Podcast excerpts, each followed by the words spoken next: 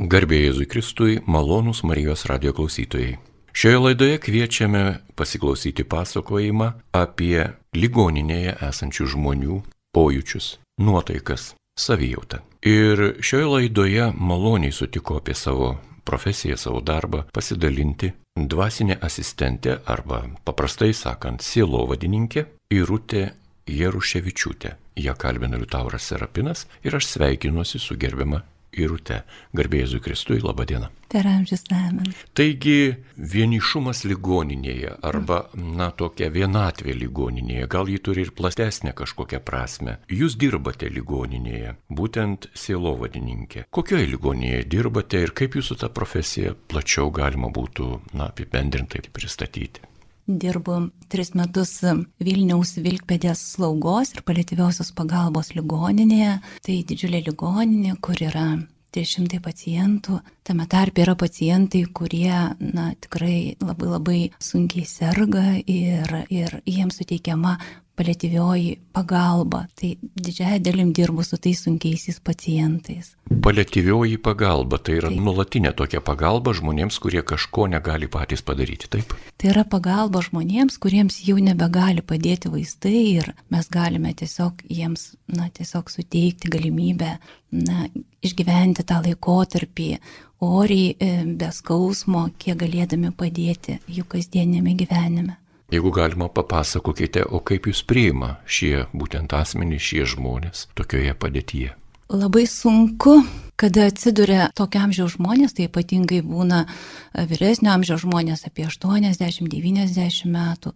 Iš savo namų, kur jų yra pažįstama aplinka, kur, kur jie yra pripratę, kada jie atsiduria ligoninė, jiems labai sunku priprasti joje ir dar ta užklupusi negalė juos tiesiog prispaudžia absoliučiai. Ir tiem žmonėm tuomet bet kokia pagalba yra labai labai vertinga. Tačiau ligoninėje, na, kiekviena ligoninė turi savo tempą. Ir kada yra žmogus, kuris gali prie jų prisėsti ir pasakyti, kad aš galiu tau skirti laiko, kad aš atėjau čia dėl tavęs, pabūti su tavimi, išklausyti tavęs, jiem yra labai svarbu. Nepaslaptis, kad dabar ligoninėse, na, mes jau atkreipiam dėmesį ne tik tai žmogaus fizinę sveikatą, bet ir dvasinę sveikatą. Ir tai labai svarbu, kaip tas žmogus jaučiasi. Ne tik fiziškai, bet ir dvasiškai.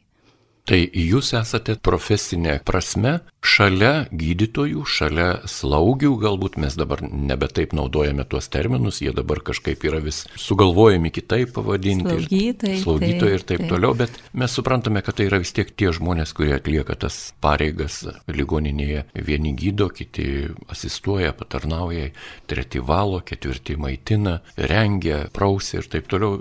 Ta mes suprantame. Na, pavadinimai gali keistis. O kaip patys ligoniai švenčių metu Kaip jie jaučiasi per šventes? Liūdnai.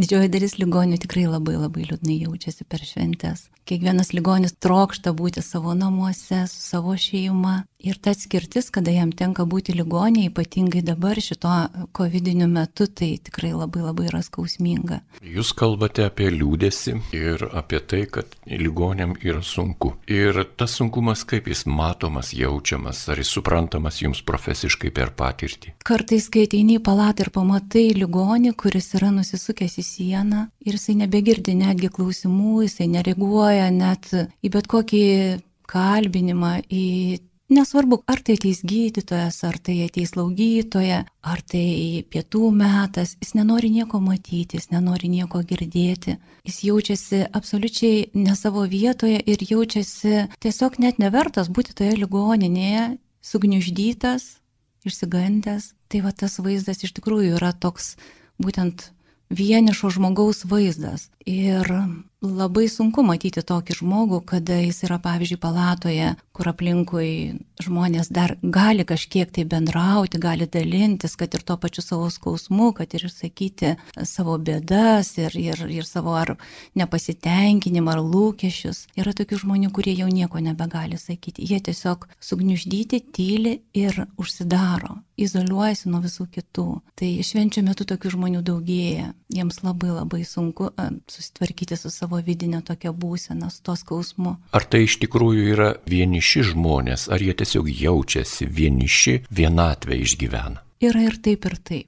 tie vieniši, kurie iš tikrųjų yra vieniši, apleisti arba nebeturi giminių artimųjų, visi palikę šį pasaulį ar kažkur kitur iškeliavę, kaip tokiem žmonėm padėti? Kaip nebūtų keista, bet dažnai tokiem žmonėm, kurie neturi savo artimųjų ir tikrai yra visiškai vieniši, kaip pasakojo, pavyzdžiui, vienas ligonis neseniai prieš kalėdas, sužinojo, kad jisai jau gali grįžti į namus. Jis turi namus, jis turi savo būtą, bet jis neturi visiškai nieko artimo, neturi draugo, neturi jokių giminių, neturi žmonos. Ir jis labai labai nuliūdęs prašėsi pasilikti ligoninę nors vieną dieną ilgiau nes ligoninė jau jam yra patapusi jo namais. Nes būtent va tie palatoje žmonės jau yra jo draugai. Tai va čia yra tokia, tokia kita grupė žmonių.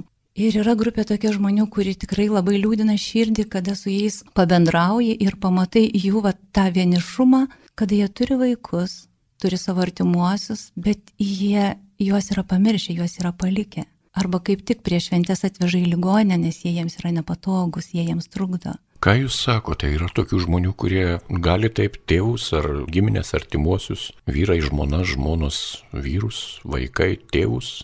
Taip, taip, labai liūdna, bet tikrai taip yra. Ir kaip tai atrodo, kai priduoda prie šventės savo artimuosius žmonės, kad jie netrukdytų? Kaip tai atrodo iš šalies? Tuomet išgyvenam tokius labai skaudžius jausmus visas personalas, ne tik tai tas ligonis, bet ir mes visi, kurie mes būname tame ta diena jinai iš tikrųjų būna visiems labai skausminga ir tai ne vienas toks yra ligonis.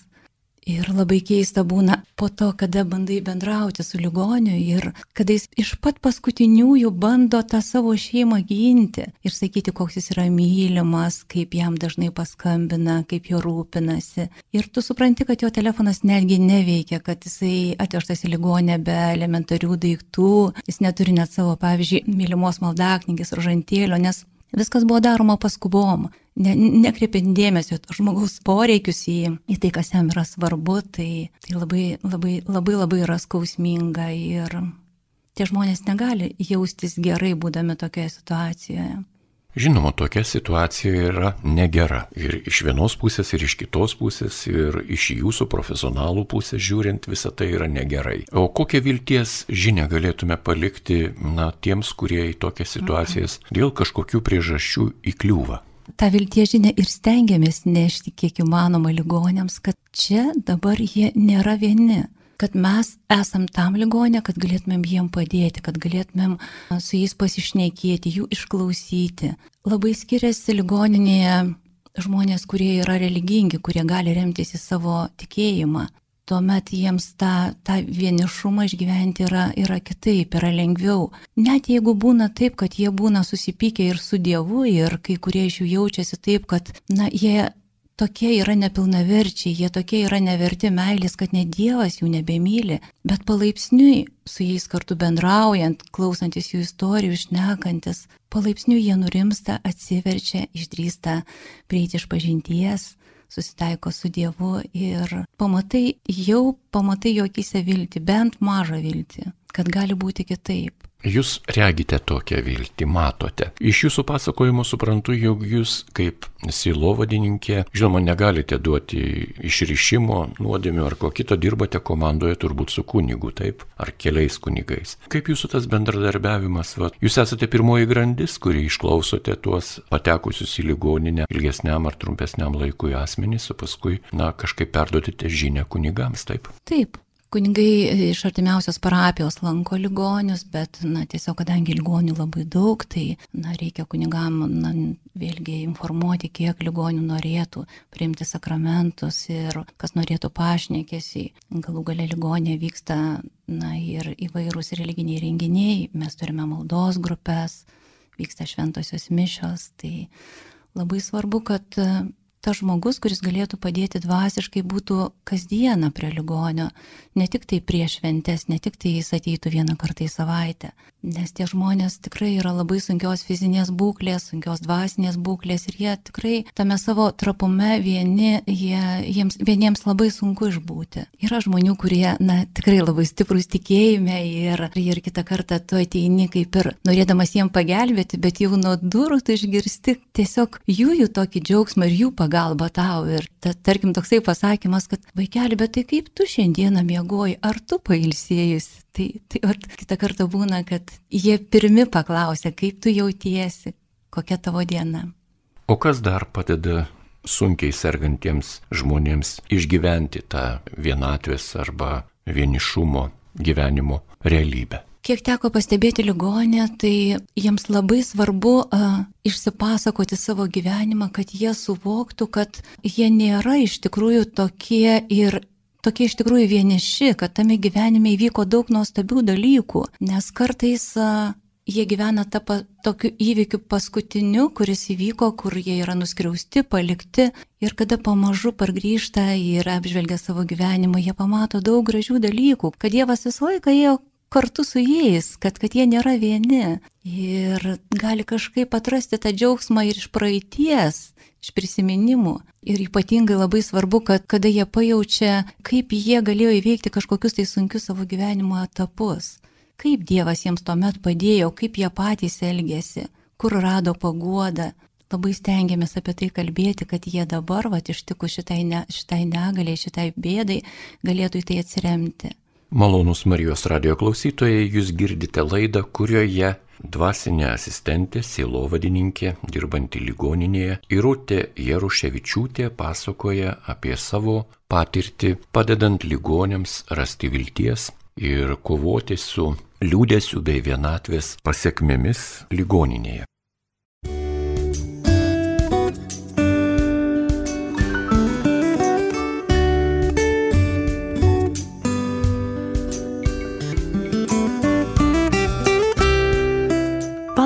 Palaiminto jums laiko su Marijos radiju.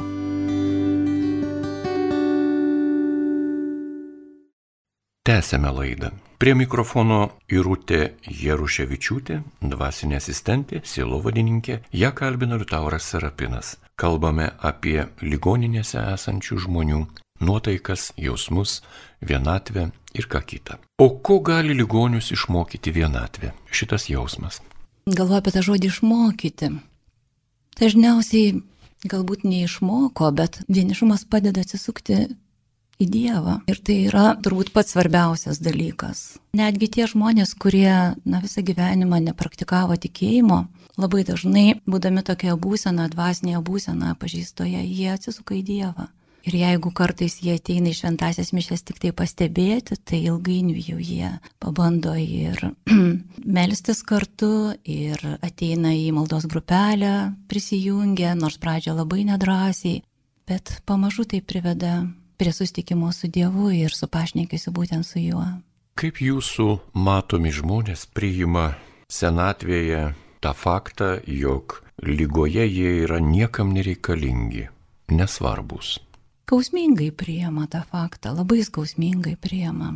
Jie jaučiasi našta, didžioji dalis iš jų jaučiasi labai didelę naštą savo artimiesiam ir jie net kažkaip gėdėjasi savo kūno, savo tos negalios. Netgi kai nebūdavo karantino ir jos galėdavo artimieji aplankyti, jie kai kurie iš jų stengdavosi sakyti, kad nevažiuokite, nelankykite, negaiškite laiko prie manęs tokio seno, aš jau nebesu reikalingas ir jūs turite svarbesnių dalykų. Tai tiesiog kažkaip jie dažniausiai jaučiasi neverti to dėmesio ir neverti meilės. Šioje vietoje norėčiau įterpti dar vieną tokį klausimą, kuris galbūt mus nuves ir į lygią grečią kitą temą, bet manau, ji yra labai svarbi. Jūsų pasakojime aš išgirdau tai, jog karantino metu artimieji yra neįleidžiami į tokias gydymo įstaigas, bet dvasiniai asistentai, vatsielovadininkai yra įleidžiami. Ir jūs tada turite atstoti jiems lik ir savo šeimą, artimuosius, giminės, draugus, pažįstamus.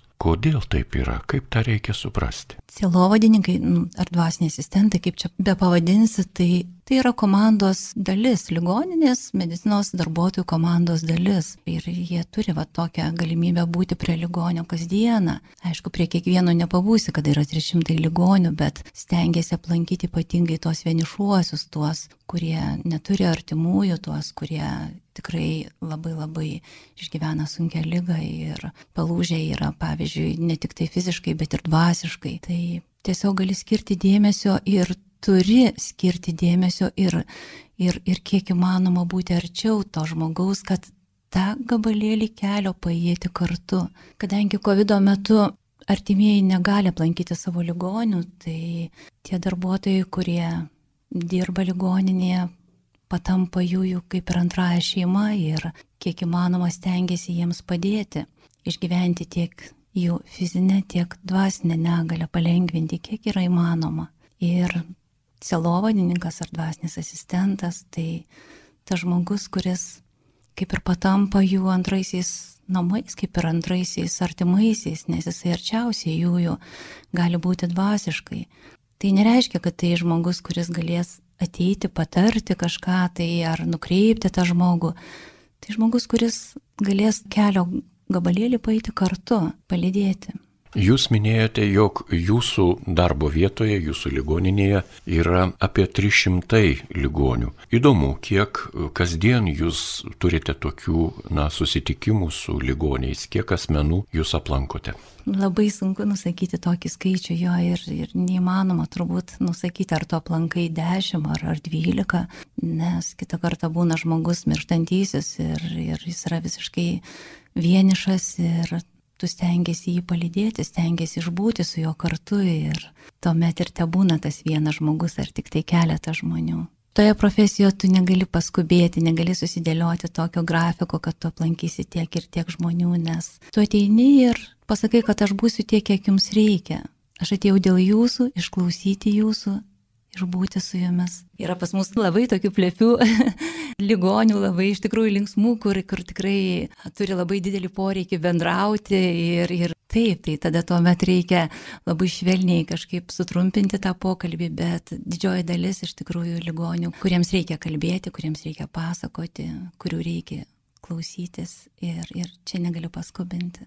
Ar dvasinės asistentės silovadininkės labiau laukia tie ligoniai, kurių niekas nelanko, ar visi? Gal sunku būtų taip išskirti, kad tie labiau laukia, bet jeigu yra ligoniai, kuriems niekuomet niekas negali paskambinti ir kurių niekas nelanko, kuriems niekas net neša skanaus lauknešėlio ir niekas neparašo laiško, tai be abejo, jie, jie ypatingai laukia susitikimų ir kiekvienas susitikimas jiems labai brangus. Kalbame apie susitikimą. Ar visi jūsų prižiūrimi ligoniai jūs atpažįsta, o gal jūs, na, tiesiog esate jiems kaip dukra, tiesiog toks įvaizdis, na, galbūt dėl senatvės ir nebepamena savo dukros veido, ar būna tokių susitikimų, kad jūs tiesiog priema kaip savo dukrą, kaip savo vaiką. Tikrai taip, taip įvairių būna susitikimų. Na, mūsų ligoninė, ligoniai yra, na, tokio garbingo jau amžiaus, kaip minėjau, apie 80-90 metų ligoniai. Natūralu, kad daugelis ir, ir nebeatsimena. Pas mus yra skyrius, Alzheimerio skyrius, kur tikrai dėl lygos žmonės nebegali atsiminti, jie ir savo artimųjų nebeatsimena. Bet Tokių yra įdomių faktų, kaip pavyzdžiui, tame pačiame Alzheimerio skyriuje tu lankai ligonį, kuris tikrai nebepažįsta žmonių, nebepažįsta ir savo vaikų, ir palatos savo kolegės nebepažįsta, gydytojų nepažįsta. Bet kada ateini ir pradedi melstis, atpažįsta tave iš maldos, iš balso. Ir tai būna labai, va, tikrai labai jautru ir labai įdomu, kad, kad žmogus gyvenime pamiršęs daug faktų, daug įvykių savo artimuosius, bet maldai jis atsimena. Ir kaip nebūtų keista, atsimena labai labai kiekvieną žodį ir tiesiog gali pravesti maldą. Aš netgi pasikviečiu maldos grupelės ir, ir, ir prašau jų, kad jie tiesiog pradėtų maldą. Ir jie puikiausiai atsimena kiekvieną žodį. Tai, tai yra labai nuostabu, kad tai, kas svarbiausia, išlieka širdie. Palėtėte tokią, na, jautriai iš tikrųjų temą, ne kiekvienoje radijos stotyje turbūt tą temą ir būtų galima ir kalbėti, išvystyti pokalbį giliau, prasmingiau. Ir norisi jūsų paklausti, tikėjimas, tiesiog žmogaus tikėjimas, koks jis bebūtų, labai išvystytas ar labai toks jau paviršutinis, infantilus vaikiškas ar labai filosofiškas, kaip tas tikėjimas lygoje ir tokiame garbingame amžiuje Manau, kad be tikėjimo būtų labai sunku išbūti ligoninėje, net ir su mažesnėmis negaliomis negu mūsų ligoniai. Vienoks ar kitoks tikėjimas tai tiesiog viltis, tai yra tas pagrindas, į ką gali žmogus kažkaip taip įsikabinti ir gyventi. Ar tikėjimas padeda nenugrimst į savigraužą arba kitų kaltinimą? Taip, tikėjimas tikrai padeda nenugrimsti, nors savigražos ir kaltinimo labai dažnai tenka išgirsti ligoninėje kaltin. Ypatingai, ypatingai žmonės jaučiasi, jaučia kaltę e, būtent e, dėl savęs paties, kad jie yra kalti, kad, kad blogai nugyveno gyvenimą, kad jų gyvenimas buvo neteisingas ir štai dabar vat, gyvenimo pabaigoje Dievas jos baudžia. Tai tikrai didelė dalis žmonių taip masto. Yra dalis, kurie labai pyksta ant savo kaimynų, ant savo vaikų, jie visko nepatenkinti. Tai čia tokia kita dalis, bet jiems tada nepatinka viskas ir ligoninėje. Paminėjote tuos, kurie nėra patenkinti savo gyvenimu ir nėra patenkinti kitų žmonių pastangomis arba rodytų dėmesiu. O kaip tokiems žmonėms tikėjimo? reikalai, kaip tie žmonės tikėjimą priima, kaip priima Dievą, kaip jie su juo bendrauja. Dažniausiai tai ir būna žmonės, kurie arba labai stipriai susipykę su Dievu, arba, arba tiesiog, tiesiog to tikėjimo tokio ir neturi. Dažniausiai būna taip. Tokie, na, tiesiog, tiesiog tas jų visas gyvenimas kaip ir būna tokiame, atrodo, kaip ir pyktyje, bet gal tai yra pyktis, kad jie kažkaip to ir netranda, kad jie, kad jie nedrįsta, kad jie kažkaip savyje užsidarė ir net nedrįsta prašytis pagalbos, nes kai jų paklausė, ar jūs kažkada tai bandėte kalbėti su Dievu, ar, ar galbūt ar jūs bandėte savo prašytis Dievo pagalbos, kad, vat, na, man irgi reikėtų viešpatė tavo pagalbos, tai, tai Labai retai, kada išgirsti atsakymą, kad tai bandžiau, bet... Bet turbūt lygoje žmonės vis tiek labiau yra linkę į kreiptis į Dievą, ieškoti Jo, Jo užtarimo, Jo pagalbos, taip?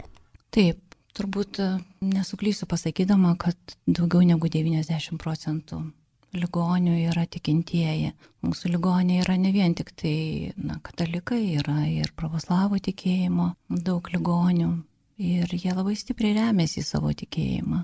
Labai laukia maldos valandėlių, labai laukia šventųjų mišių ir labai gera, kai pamatai palatoje, kada vat, na, žmogus, kuris nors na, tikrai praktikuojantis pabando visą palatą apjungti ir, ir įsijungti Marijos radiją ir, ir, ir, ir sukviesti klausytis šventasias mišes ir, ir kartu melstis ir po to labai kažkaip nori apie tai pasakoti, pasidžiaugti, pasidalinti. Tai aš juokauju, kad jie yra vad ligonės palatos kapelionai. Tai tikrai tokių yra ir tai tikrai labai džiugu ir tose palatose, kai ateini, na tikrai kažkaip atmosfera yra visai kitokia.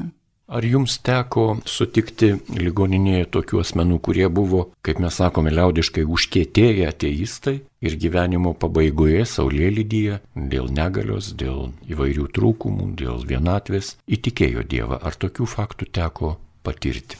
Teko patirti, gal kad taip pilnai tikėjau, negalėčiau pasakyti, bet kad panoro, panoro pastudijuoti giliau Bibliją, kad panoro bandyti atsisukti tikėjimą, tai taip. Tikrai, tikrai yra tekęs labai labai tokių užkėtėjusių sutikti žmonių, kur, vat, Kaip pavyzdys vienas toksai ligonis pasakojo, kaip jie labai nusivylė kažkada tai kaimo bažnytėlėje. Abu su savo broliu, jiems beros buvo apie 20 metų ir, ir kažkaip jie turėjo nestarimą su, su vietiniu kunigu ir jie labai susipykę buvo. Ir nuo to laiko kažkaip va, taip stipriai susipykę, kad atsisakė tikėjimo ir tą visą gyvenimą kažkaip va, ir, ir, ir, ir, ir nusisukė nuo jo buvo ir, ir, ir, ir labai labai pikti. Ir dabar, kada tikrai labai sunki negalė pas tą žmogų buvo. Jisai išsitraukė iš spintelės Bibliją ir pasakė, kad paprašė, kad jam atvežtų ją, nes jisai norėtų vis dėlto paskaityti giliau, ką tas kunigas tada ten jam bandė pasakyti ir kodėl jie taip susipyko. Sako, per tą visą gyvenimą tiek daug visko įvyko, kad aš net pamiršau, kodėl taip atsitiko, kodėl mes čia buvom taip stipriai supykę ir ant to kunigo ir kodėl nusisukė nuo to tikėjimo. Tai buvo labai, labai įdomu su juo pasišnekėti ir, ir labai buvo įdomu, kad kad jis dabar, vat, nepaisant savo amžiaus ir jau tokio prasto regėjimo, jisai bando skaityti, bando gilintis, kalbėti apie tai.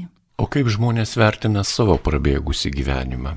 Na, kuo džiaugiasi, sakykime, tokiuose jau, na, saulėlydžio situacijose - lyga, vienišumas, palėtyvi slauga, ligoninė, svetimi žmonės aplink. daugiausiai džiaugiasi turbūt savo, savo šeima, savo šeima, savo anūkais, savo darbu, to, ką jie pasiekė. Bet kartais pasidalyja tuo, kad jeigu dabar vat, jie pargrįžtų atgalios, tai galbūt jie e, to savo viso gyvenimo netiduotų tik tai darbui, kad jie galėtų pasidžiaugti tuo gyvenimu pilnai, kad jie galėtų išvažiuoti daugiau į sodą, į gamtą, skirti laiko savo vaikų auginimui, nes dažnai išreiškia tokį apgailestavimą, kad, kad jie per mažai laiko skyrė savo vaikų auginimui, kad jie juos palikdavo darželiuose ir, ir negalėjo na, su jais išbūti taip, kaip jie dabar norėtų, kaip jie dabar supranta, kaip jie dabar tai padarytų. Tai vad to tokio nepatirto džiaugsmo gailisi, kad, kad skubėjo gyventi, kad viską darė dėl kitų ir ne, visiškai na, kažkaip palikdavo save nuo šalyje, save, savo kūną, savo dvasę. Tai dabar, kada turi laiko, tikrai turi daug laiko apie tai pagalvoti, tai jie patarė, kad neskubėti. Neskubėti gyventi, kad džiaugtis tuo, ką mes turime dabar, ką mes matome aplinkui. Tai ir yra vat, ta dabartis, kas yra šalia mūsų šiandieną. Ir labai smagu, kaip labai sunkus ligoniai atranda Vat ligoninė net tokioje kančioje, tokiame skausme, tikrai, kaip sakau, skausmo koncentratas, kada, kada žmogus prirakintas prie lovos ir jisai visiškai negali judėti ir gali, tarkim, te turi tik tai savo balsą ir, ir širdį, kada jisai gali džiaugtis tuo, ką jis mato, pavyzdžiui, per langą ir sakyti, štai šiandien sninga, kaip nuostabu, šiandieną sninga ir jisai va, tą sniegą pastebi, kaip mes, tokie va, bėgantis, skubantis, tiesiog susikoncentruojame savo kažkokius tai mažus nepatogumus ir, ir, ir mažas bėdas.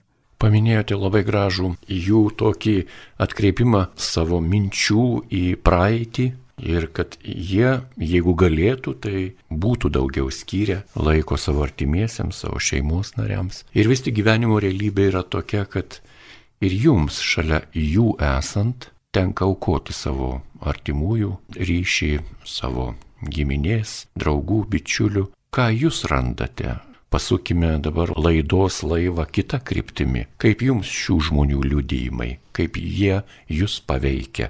Ar profesionaliai jūs tiesiog uždariusi ligoninės duris esate kitas žmogus? Nesu kitas žmogus uždaręs duris. Stengiuosi daugelį dalykų palikti ligoninėje, nes jeigu viską išsineštum, tai būtų labai sunku gyventi ir tuo labiau parnešti savo šeimą, į savo namus. Bet pasimokinti ir priimti daugelį dalykų iš tų ligonių tikrai yra didžiulė dovana, tai yra didžiulė Dievo dovana. Kada tu gali pažinti mirtį, nes kiekvieną savaitę tu ją sutinki, kiekvieną savaitę tu ją matai, tiesiog būni visai šalia ir tu supranti, kad tu nebebijai tos mirties, kad tu jau ją, na tiesiog su ją bandai kalbėtis, tu, tu ją jau kažkiek pažįsti.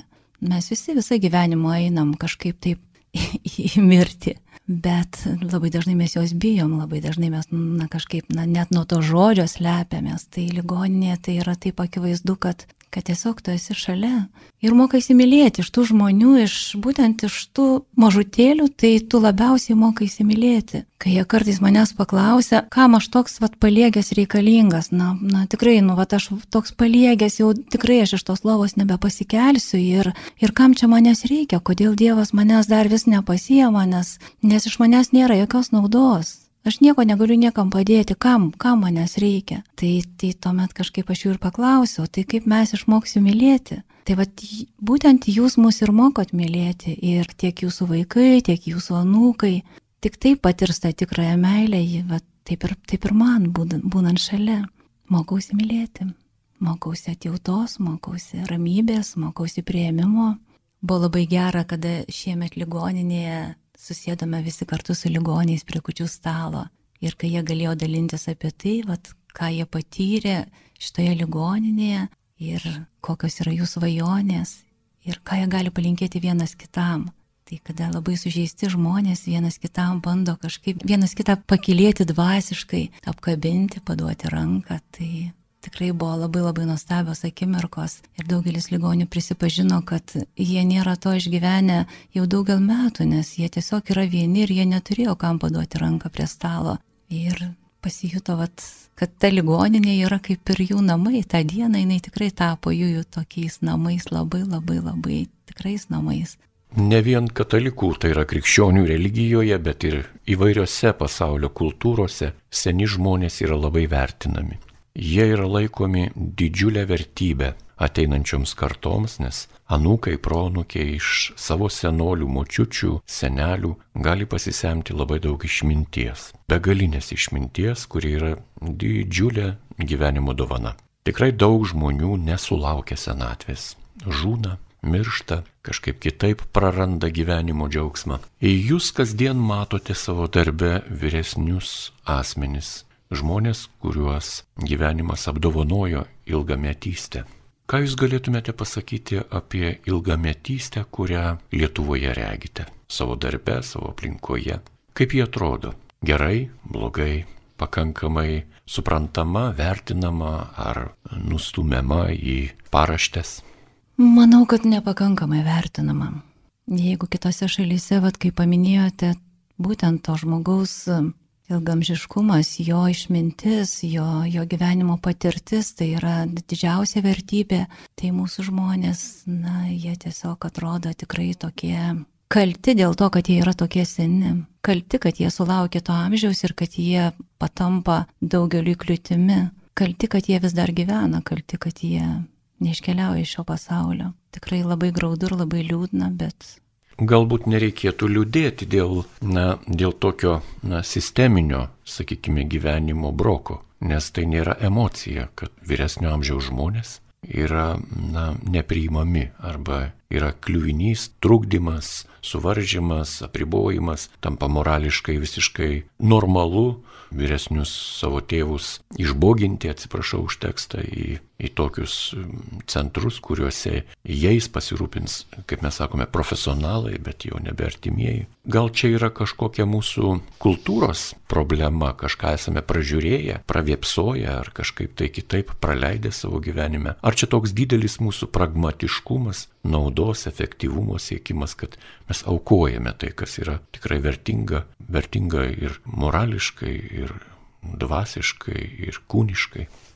Gal čia tiesiog to tokio dabartinio laikmečio ir va taip susiformavusi tokia yra kultūra nepagarbos ir, ir nemailės va tam, tam senoliui. O pasakiau liūdna dėl to, kad tai yra didelė dalis, iš tikrųjų tai yra didelė dalis žmonių, kurie negerbė senatvės ir savo artimuosius, palieka be priežiūros ir, ir, ir tiesiog atsikrato jų, jų tas labai nemalonus žodis, nepatogus, bet taip yra. Galbūt tai rodo mūsų visuomenės tam tikrą brandą. Tokie ženklai. Galbūt tai rodo, na, mūsų visuomenės tam tikrą ir charakterį, nes jei būtų reikalinga, jei būtų prasminga ir naudinga pasirūpinti senai žmonėmis, savo artimaisiais, tai būtų ir daroma. Greičiausiai šiuo metu tai yra nereikalinga, nenaudinga ir netinkama. Kaip jums atrodo? Manau, kad taip. Bet negalėčiau pasakyti dar ir apie vieną grupę žmonių, kurie ypatingai rūpinasi ir jie taip ypatingai rūpinasi, kad netgi save pamiršta per tą rūpestį. Tai vad, būčiau na, neteis, neteisinga būtų kalbėti vien tik tai taip apie tos, kurie palieka, nes yra dalis žmonių, kurie atsisako savo gyvenimo, savo darbo, savo vaikų, prižiūrėdami savo tėvus ir jie net nebepastebi, kaip palaipsniui tampa patys ligoniai, dėl to, kad, na, jie visas jėgas, tiek fizinės, tiek dvasinės atiduoda tai slaugai. Tai vat irgi, irgi tokia kaip, na, nėra tos tokios pusiausviros iš tikrųjų, nes, nes labai skausminga matyti, kaip atveža, na, tarkim, savo mamą ar tėtį į mūsų ligoninę, patys jau būdami tokie, tokios būklės, kad jau, jau juos reikėtų paslaugyti. Tai ir jiems labai labai daug jėgų prireikė, kad vis dėlto priimti tą sprendimą ir atvežti į ligoninę, kad jie patys galėtų pailsėti ir galbūt, kai bus galimybė aplankyti, na, aplankyti jau kitokiam, kad, kad, kad galėti ramiai pasišnekėti su savo artimu, o ne tiesiog visam tokiam įsitempusiam ir nemiegojusiam ir, ir jau nebetekusiam sveikatos. Tai va, yra kelios grupės tokių žmonių, kurie va, įvairiai žiūri į, į, į tą senatvę ir į lygą. Turime vilties, jog radio klausytojai, kurie šią valandėlę klausėsi jūsų gerbama irute pasakojimo apie paliatyvėją slaugą ir silovadą bei dvasinį asistavimą, padėjimą, pagelbėjimą ligonėms, kurie jau sulaukia brandaus, garbingo amžiaus ir dėl lygų gausos yra, na, stacionariai prižiūrimi, globojami. Nebijokime tų žodžių, laukia mirties. Mums tikintiems žmonėms mirtis nėra pabaiga, nėra nebūtis, yra kažkas kito ir mes turime tikėjimą, viltį ir ta viltis mumise yra ne iš mūsų pačių, ne mūsų pačių sugalvota, sukurta, ji yra dangaus dovana, Dievo dovana. Ir laidos pabaigai norisi užduoti tokį, na, galbūt ir tradicinį klausimą. Į ką reikėtų atkreipti dėmesį tiems, kurie dar nesusirgo, dar nėra tokio amžiaus, dar yra sveiki, žvalūs, darbingi, prasmingi. Kaip vertinti ir kaip nevertinti, ko vengti ir ko siekti, kad gyvenimas nebūtų užbaigtas valdiškuose namuose tarp svetimų žmonių. Galbūt pirmiausiai tai kažkaip palinkėčiau atkreipti dėmesį į savo artimuosius, į tai, kas yra šalia, į savo šeimą, į tai, kas mums brangiausia ir kam mes labai dažnai kažkaip mažai skiriam laiko. Mums pritrūksta to laiko. Skreipti dėmesį į savo kūną, nes mūsų kūnas irgi, kaip aš nekam su ligonės, kad na, na, mūsų kūnas yra neamžinas ir jisai kartais pavargsta, taigi vat, jam irgi reikia poilsio, jam reikia dėmesio. Ir aišku, į savo sielą, į tai, kad ne vien tik tai darbas yra svarbu ir ne vien tik tai visur suspėti, į savo santyki su Dievu, su tikėjimu. Ir labai svarbu turėti tą viltį, viltį, kad tikrai mūsų gyvenimas yra nuostabus ir tie visi maži tokie sunkus dalykai, jie visi yra praeinantis. Ir kaip pasakojo mano senoliai, kad jiems seniau atrodė kažkokia tai gyvenimo problema pati didžiausia, pati sunkiausia ir kad nieko kito niekada, na, negali ištikti tokia didžiulė bėda, tai dabar, kada jie atsiduria lygos patalėje, sako, kaip jokinga, ten visai nebuvo bėda, ten nebuvo jokia bėda. Tai tiesiog buvo nedėlis gyvenimo išbandymas, kuris vienai par kitai praėjo ir, ir svarbu vat, atrasti, atrasti džiaugsmą, atrasti džiaugsmą šiandieną, čia kur esam. Taip pat linkime ir jums, bei jūsų kolegoms, jūsų bendradarbėms tos vilties, apie kurią jūs šiandien šioje laidoje liudijote savo darbu ir pasakojimu. Malonus Marijos radio klausytojai, jūs girdėjote laidą, kurioje apie vienišumą ligoninėje, o ypač per šventes, pasakojo dvasinė asistentė, silovadininkė Irutė Jaruševičiūtė. Ja kalbino Liutauras Serapinas, likite su Marijos radiju.